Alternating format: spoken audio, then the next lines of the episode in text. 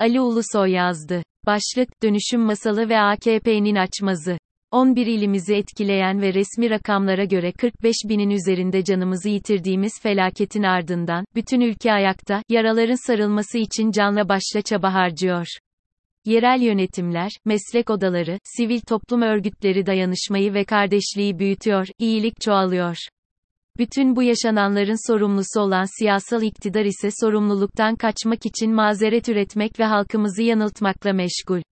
Yaşanan felaketten başımızı kaldırıp neler olduğuna baktığımızda durum şöyle gözüküyor. 22 yıldır tek başına ülkeyi yöneten siyasal yapı, bugüne kadar ülkemizin kurucu değerlerini, cumhuriyet devrimlerini, kültürel birikimlerini, anayasayı aşındırmak ve sistemi değiştirmek için devletin bütün olanaklarını kullanmış, devleti daha iyi yönetmek ve refaha kavuşturmak iddiası ile kurdukları tek adam rejimi ülkeyi uçurumun kenarına getirmiştir. Ekonomik göstergeler alarm veriyor, üretim ve kalkınma sizlere ömür, bütün politikasını, kentsel rantlar üzerine kurgulamış bir iktidar ve etrafında kümelenmiş aç gözlü sermaye grupları, 22 yıl boyunca kentlerimiz beton yığınına dönüştürüldü. Cumhuriyet dönemi mimarlık eserleri, kent toprakları, tarım arazileri, ormanlar, yeşil alanlar, meralar, kıyılarımız, doğal ve kültürel varlıklarımız, yaşam alanlarımız doymak bilmeyen bir hırsla yapılaşmaya açıldı. Özelleştirme kararlarıyla korunması gereken alanlar kendilerine yakın kesimlere pazarlandı. Kentler adeta sermaye gruplarının savaş alanına dönüştürüldü. Akıl, bilim uzmanlık, planlama, kültürel birikim ve deneyim gibi kavramların yerine kazan kazan anlayışı yerleşti, yerleştirildi. Elbette ki tüm bu operasyonları yapabilmek için de yasal düzenlemelere ihtiyaç vardı. Son günlerde çokça tartıştığımız imar afları, kentsel dönüşüm yasası, imar barışı kanunu, ihale kanunu bu iktidar döneminde 200 kez değiştirildi ve benzeri düzenlemeler aslında kentlerin yenilenmesi adı altında kentsel topraklarının menkulleşmesi, oluşan rantın bir avuç yandaşın zenginleşmesinin aracı haline getirilmiştir. Erdoğan'ın 7 Haziran 2018 tarihinde yapmış olduğu açıklama, CNN, Kanal D, bütün yaşananların özeti gibidir. Bir teknokratlar kabinesi asla düşünmem. Çünkü biz bürokratik oligarşiden çok çektik. Benim bir lafım var biliyorsunuz. Devleti şirket gibi yönetmek. Bunu başarırsak netice alırız. Şu anda birçok dünya ülkesinde piyasadan gelen insanlar bir yerlere yerleşiyor. Bizim için de siyasi vizyon sahibi olacak, aynı şekilde bir şirket yönetiyor gibi yönetecek, sonuç odaklı bir kabine olacak. Bir önceki yazımda belirmiş olduğum tespitler, 16 Mayıs 2012 yılında yürürlüğe giren, afet riski altındaki alanların dönüştürülmesi hakkında kanunun amaç kısmında, afet riski altındaki alanlar ile bu alanlar dışındaki riskli yapıların bulunduğu arsa ve arazilerde, fen ve sanat norm ve standartlarına uygun, sağlıklı ve güvenli yaşama çevrelerini teşkil etmek üzere iyileştirme, tasfiye ve yenilemelere dair usul ve esasları belirlemektir, diye ifade edilmiştir. Yasanın çıktığı tarihte ülkemizdeki yapı stoğu 17 milyon olarak ifade edilmişti. Yasayla, bu yapı stokunun %40'ının yenilenmesi hedeflenmişti. Bu rakamsal büyüklük ise iktidar çevrelerinin iştihanı kabartıyordu. Ancak yapılan açıklamalarda halkın konut sorununu çözeceklerini ve güvenli, depreme karşı dirençli yaşam alanları inşa edecekleri masalını sürekli anlattılar. Yasayla birlikte ülkede birçok mahalle riskli alan ilan edildi ve TOKİ üzerinden hızlı ihaleler yapılmaya başlandı.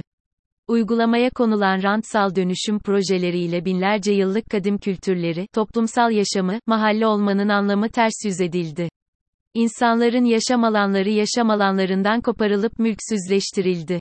Kentsel dönüşüm, zenginleşmenin bir aracı haline getirildi.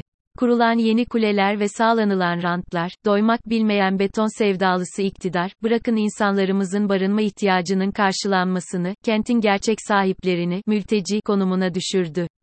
Oysa ki, yasanın esas amacı olan, yurttaşların sağlıklı güvenli alanlarda yaşamasıydı. Ancak halk çaresizlik ve yoksunluk içerisinde bırakıldı.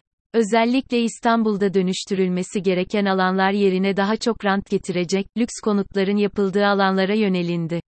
Sulukule, Zeytinburnu Kentsel Dönüşüm Projesi, Fikirtepe Kentsel Dönüşüm Alanı ve benzeri uygulamalar bunlara örnek gösterilebilir.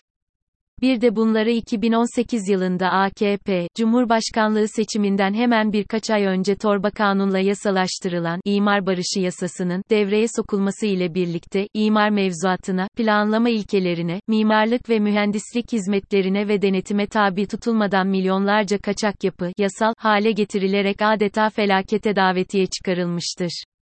Siyasal iktidar her zaman yaptığı gibi, her kesime kulağını tıkamış, bilimi, uzmanlığı, meslek odalarının uyarılarını, en önemlisi de deprem gerçeğini yok saymıştır.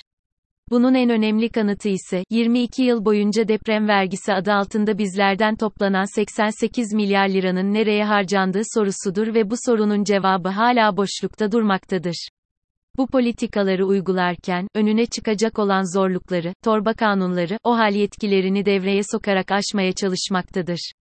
Ben yaptım oldu, mantığı ile davranmaya devam eden tavrı endişe vericidir. Yine aynı masallar. Bilim insanlarının sürekli uyardığı ve gerekli hazırlıkların bir an önce yapılmasına vurgu yapıldığı beklenen İstanbul depremi konusunda ortaya konulan çözüm ise İstanbul'da 1,5 milyon insanın başka bölgelere taşınacağı açıklaması oldu. Çevre Şehircilik ve İklim Değişikliği Bakanı, olası İstanbul depremi uyarılarının ardından, İstanbul'da dönüşmesi gereken 1,5 milyon bağımsız bölümün olduğu, bunların acilen dönüşmesi gereken 300 bininin bir an önce dönüştürülmesine ilişkin şu an İstanbul'da sadece bakanlığımızın devam ettiği 94 bin bağımsız bölümden oluşan projelerimiz var. Riskli 1,5 milyon konutu dönüştüreceğimiz iki rezerv alanı var. İstanbul'da şehrin içindeki 1,5 milyon riskli konutu hem Anadolu hem Avrupa yakasında belirlediğimiz iki rezerv alana taşıyacağız, müjdesini açıkladı. Bu açıklamanın ardından uzmanlar, 1,5 milyon insanımızın taşınacağı bölgelerde ne tür bilimsel analizlerin yapıldığını, 1,5 milyon insanın taşınacağı rezerv alanlarının çevre düzeni planında neresi olduğunun bilinmediğini, İstanbul'un nefes almasını sağlayan, orman arazileri ve askeri alanların dışında rezerv alanı bulunmadığının altını çizmişlerdir. İstanbul Büyükşehir Belediye Başkanı Sayın Ekrem İmamoğlu yaptığı açıklamada, ben, bu süreçte depremle ilgili meseleleri konuşurken, bu işi seçim vaadine dönüştürmemesini, özellikle defalarca aktardım. Şimdi bu, bir seçim vaadi dili.